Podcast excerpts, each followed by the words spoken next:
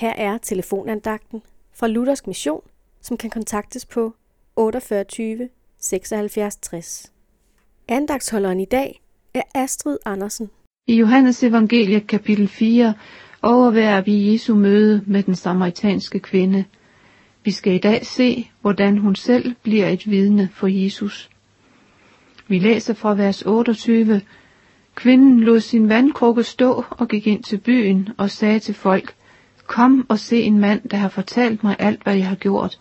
Måske er det ham, der er Kristus. De gik ud af byen og gav sig på vej ud til ham.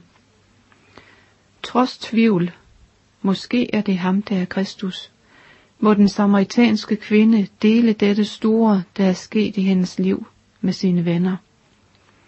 Fra vers 39 læser vi, mange samaritanere fra den by kom til tro på ham på grund af kvindens ord, da hun vidnede, han har fortalt mig alt, hvad jeg har gjort.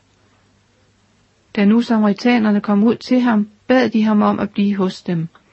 Han blev hos dem i to dage, og på grund af hans ord kom mange flere til tro. Og til kvinden sagde de, nu tror vi ikke længere på grund af det, du fortalte.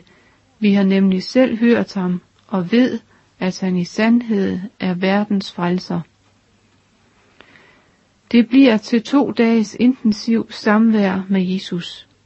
Det fører til, at mange bekender, at nu ved de, at Jesus er verdens frelser. Kender du tilstanden, hvor tvivl og tro kæmper om pladsen? Lad Jesus overbevise dig. Gennem sit ord vil Jesus selv ved Helligånden vejlede dig. Der kan det blive dit vidnesbyrd. Nu ved jeg, at Jesus Kristus er min og verdens frelser. Amen.